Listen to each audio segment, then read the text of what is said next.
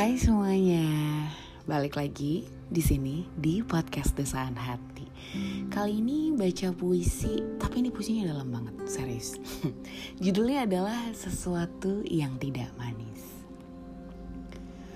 Mungkin dengan kepergianmu, aku jadi tahu apa itu kelelahan dalam menunggu.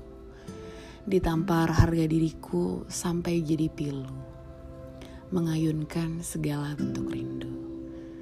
Aku masih berdiri tapi tanpa penghuni. Terasa tak ada yang mencaci maki. Hanya bentuk standar dari sebuah hierarki ataupun alas tidur dalam otak kiri. Aku hanya ingin menghindari rasa tapi terlalu besar untuk ingin muntah. Bingung untuk bersandar ke mana, hanya ada kepala yang sudah tak biasa.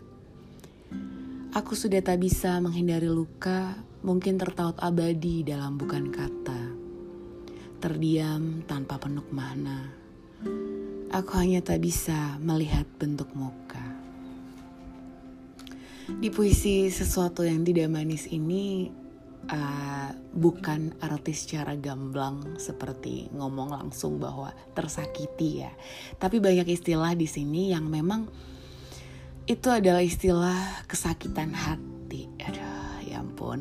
Jadi pasangannya ceritanya meninggalkan dia itu dengan serta merta dan udah buang aja gitu. Jadi sakitnya itu dalam banget. Ini bikin puisinya dalam kondisi yang bingung, yang uh, hampa, yang galau dan merasa banget kalau ditinggal pas lagi sayang-sayangnya